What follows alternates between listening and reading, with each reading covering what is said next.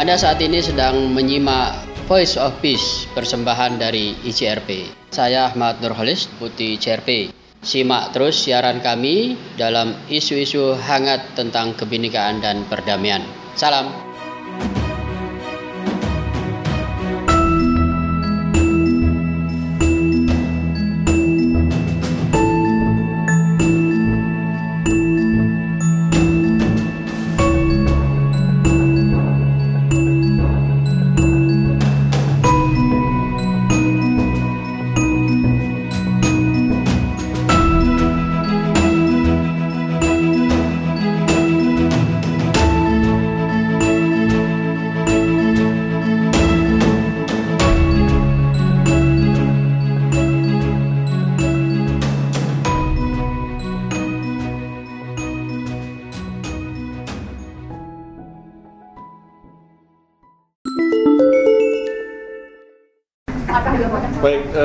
Selamat siang saudara-saudara.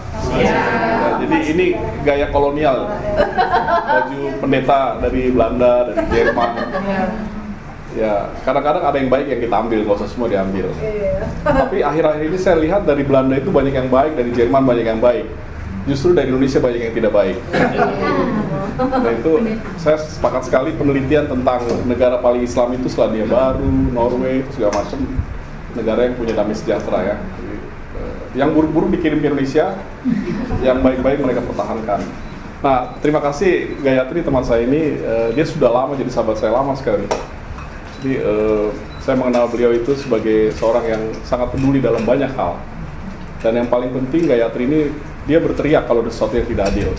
Jadi buat saya itu sebuah eh, persahabatan yang menguntungkan buat saya karena Eh, saya akhir-akhir ini banyak teman-teman saya itu semakin dia memiliki jabatan, memiliki posisi, makin lari dia. Ya, jadi kadang-kadang kalau saya harus bilang kepada saudara-saudara yang ada di sini, kalau anda jadi pejabat di negara ini, kalau anda jadi uh, apa, mungkin anda kemarin tim kampanye lalu ditarik menjadi bagian dari pemerintahan ini, anda harus tetap kritis. Ya, tetapi masalahnya teman-teman saya semua yang sudah berada di sana tidak berani bicara lagi seperti waktu mereka di luar. Jadi seperti ruang, ini ruang sempit ini tempat ini panas. Saya yakin Anda semua kepanasan. Tapi dari sini saya yakin sekali akan lahir pemikiran-pemikiran yang membebaskan. Ya, seperti gereja, saya ingin katakan saya sebagai Kristen, awal-awalnya adalah yang dibebaskan itu bukan hanya pikiran, tetapi iman. Ya, membebaskan. Karena itu banyak orang salah menangkap arti kekristenan pada masa lampau dan masa kini. Jadi hari ini gereja-gereja itu masih menolak pernikahan beda agama karena mereka menjadi lembaga mereka itu diberikan ya saya tidak bilang ah, Isa Masih atau Yesus Kristus datang untuk membebaskan hati dan pikiran. Bukan untuk menjadi apa namanya model organisasi baru. Karena dia datang untuk mengkritik Yahudi yang begitu melembaga segala sesuatu ketat. ya ketat ya apa apa ketat semuanya. Cuma baju ketat yang nggak boleh. Itu dilarang. Jadi buat saya itu persoalan. Ketika uh, ditawarkan ide baru, membebaskan hati dan pikiran berjumpa dengan orang lain tidak segan-segan, menghargai perempuan nomor satu, menghargai orang-orang yang tertindas, menghargai orang yang merasa bersalah. Kalau engkau adalah orang yang benar, ada perempuan sundal, katanya sundal itu tanda kutip ya, perempuan yang di, dianggap melakukan banyak kesalahan. Kalau engkau tidak berdosa, kau lempar dia. Tapi tidak ada berani lempar, karena ternyata kita semua merasa bersalah.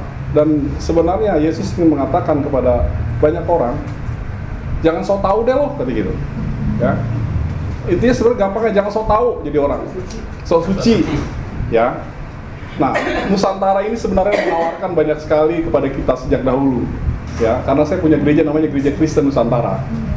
Ya jadi uh, gereja saya gereja saya memang ingin melihat lebih lebih banyak lebih luas uh, kekayaan keanekaragaman budaya keanekaragaman menurut saya juga kepercayaannya dan saya yakin sekali uh, apa yang sedang digumuli di tempat ini yang barusan saya dengar serpihan-serpihan Nusantara tadi itu menurut saya itu yang yang apa dilupakan oleh banyak orang.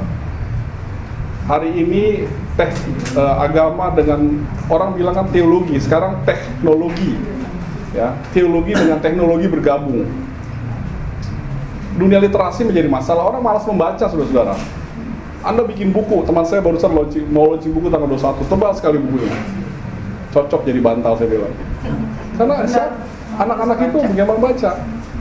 Karena itu PR besar kita adalah bagaimana mendaratkan pikiran-pikiran baik ini ke dalam bentuk yang paling mudah diserap oleh anak-anak muda sekarang dan menurut saya menjadi gizi yang baik.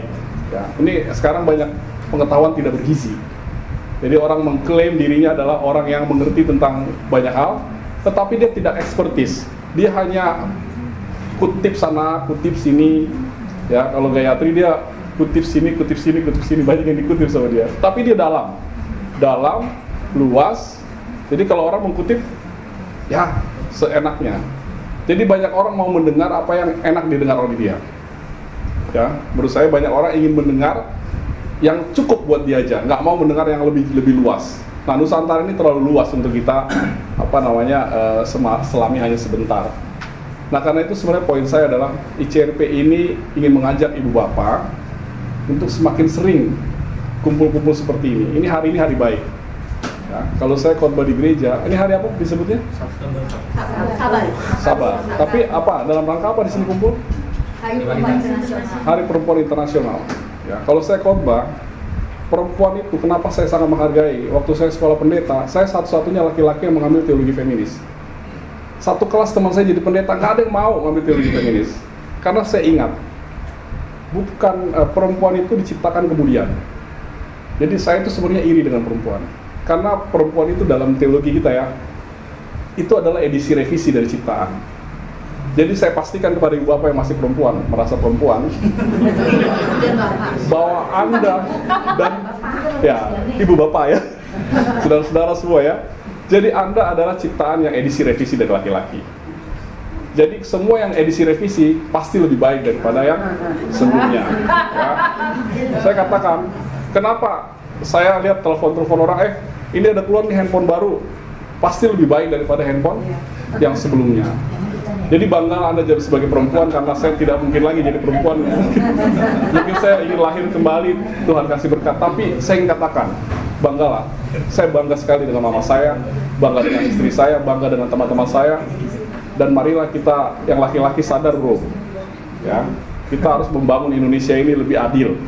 Ya, kesetaraan itu menjadi PR besar Ya, kemarin ada orang cerita ke saya, enaknya jadi orang protestan katanya, semua udah jadi ketua PGI bisa jadi perempuan bisa, jadi pendeta bisa, terus jadi apa-apa bisa. Tapi saya bilang bukan hanya sekedar bisa, tapi mampukah kita membangun Indonesia ini tidak hanya untuk diri kita sendiri.